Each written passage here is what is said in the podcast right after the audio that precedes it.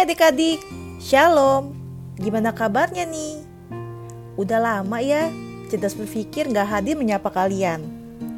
Sekarang kira-kiraan Kak Flori yang ngebawain renungan edisi kisah-kisah dan toko-toko dalam Alkitab.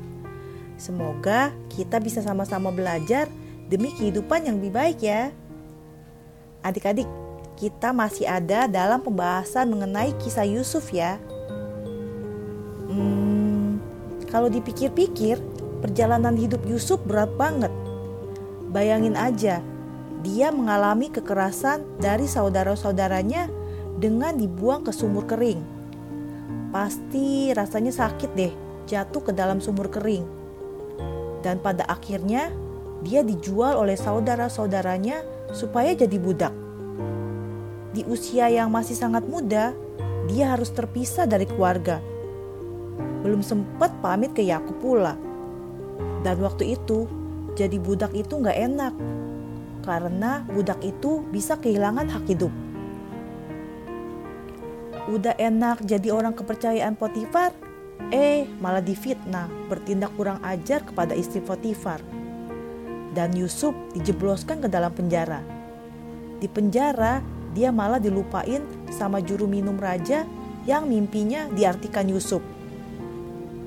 Hidup Yusuf udah kayak sinetron aja ya, banyak menderitanya. Tapi hidup Yusuf gak selamanya susah kan? Dalam keadaannya yang menderita sebagai budak, ternyata dia jadi orang kepercayaannya Potifar. Bahkan dia jadi orang yang berkuasa di rumah Potifar. Pas di penjara, dia juga jadi orang kepercayaan kepala penjara. Dan puncaknya, dia jadi orang kepercayaan Firaun Raja Mesir. Dia jadi orang yang berkuasa di Mesir. Ya, begitulah hidup. Emang sih hidup kita nggak selalu senang-senang aja, tapi juga nggak selamanya susah. Mungkin di antara adik-adik lahir dan dibesarkan dalam keluarga yang kurang mampu secara keuangan. Teman-teman punya mainan ini dan itu yang bagus-bagus. Kalian enggak. Teman-teman punya gadget terbaru kalian enggak. Tapi hari ini kakak mau kasih tahu kabar baik nih. Hidup kita nggak selamanya susah kok. Mungkin di beberapa kesempatan kita mengalami hal yang bikin kita senang. Atau kalau kita jeli, ada aja hal atau kejadian yang bikin kita bersyukur.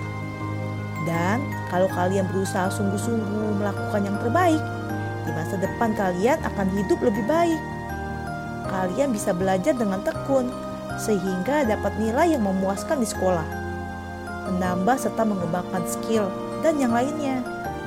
Pokoknya apa pun itu asal bermanfaat buat kalian dan kalau bisa bermanfaat juga buat masyarakat.